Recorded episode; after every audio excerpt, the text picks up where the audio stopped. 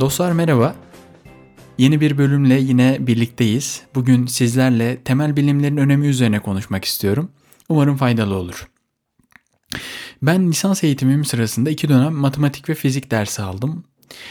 E, tabii o zamanlar sayıların sonsuzluğunda gezinmek ya da ekvator düzlemine çubuk dikip aralarındaki mesafeyi hesaplamak ne yalan söyleyeyim ciddi anlamda zul geliyordu.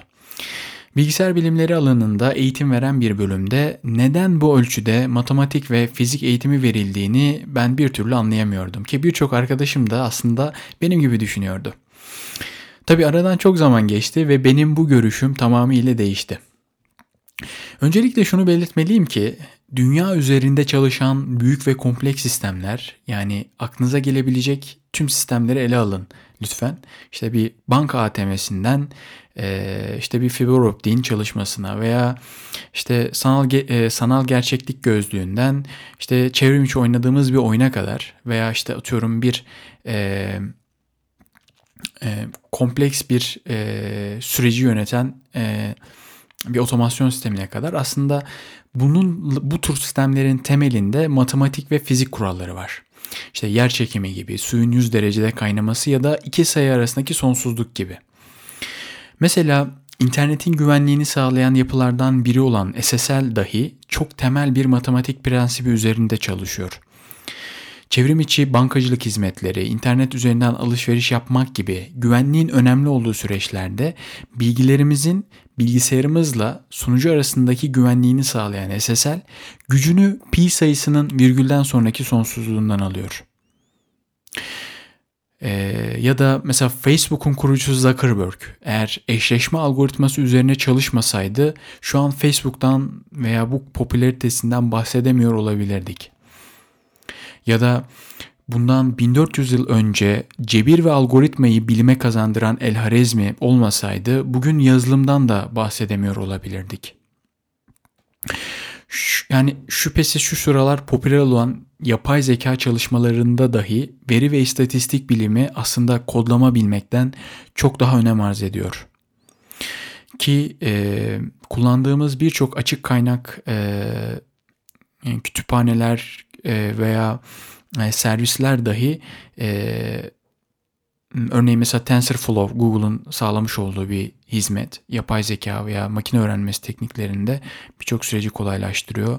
Veya işte Python'da yer alan e, birçok e, kütüphane açık kaynak olsa dahi bizim aslında bunları da e, yani bu işte bir Keras kütüphanesi veya TensorFlow'daki bir metot nasıl çalışıyor, bu output'u nasıl veriyor bunun üzerine kafa yormamız gerekiyor. Yoksa sadece geliştirilmiş olan bir kütüphaneyi kullanarak gün sonunda sistemler geliştirmiş oluyoruz. Bu işin derinine veya özüne vakıf olmadan.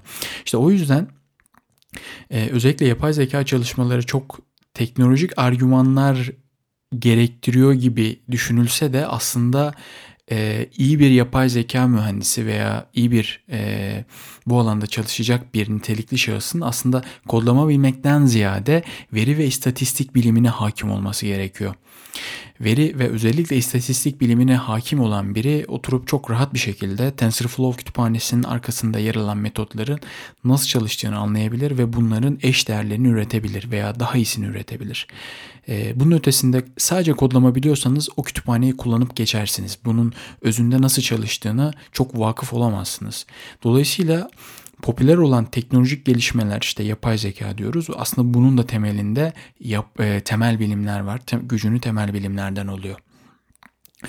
Ayrıca aslında kod yazabilmek e, ya da diğer adıyla yazılım geliştirebilmek sadece de bir enstrüman. Nota bilmiyorsanız ki bence nota burada temel bilimler. E, o enstrümanı kullanamazsınız. Kullansanız dahi icranız çok bir şeye benzemez. Tabii bu örnekleri artırabiliriz e, muhakkak. Ancak benim vurgulamak istediğim şey şu.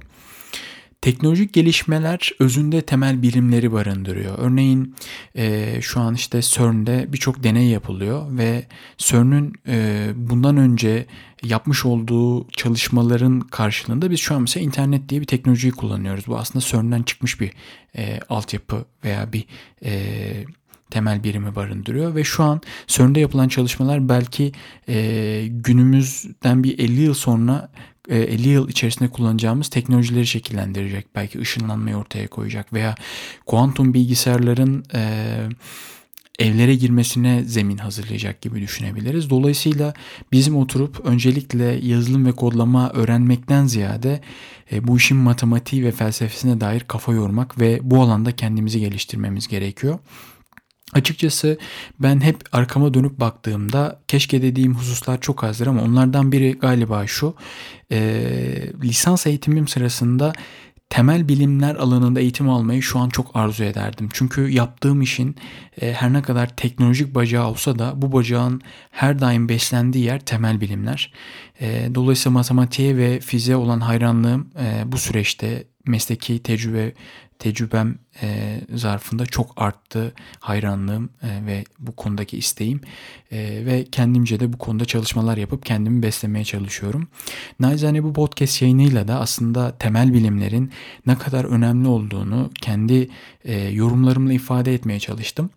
E, umarım faydalı olmuştur. E, beni dinlediğiniz için çok teşekkür ederim. Bir sonraki yayında görüşmek üzere.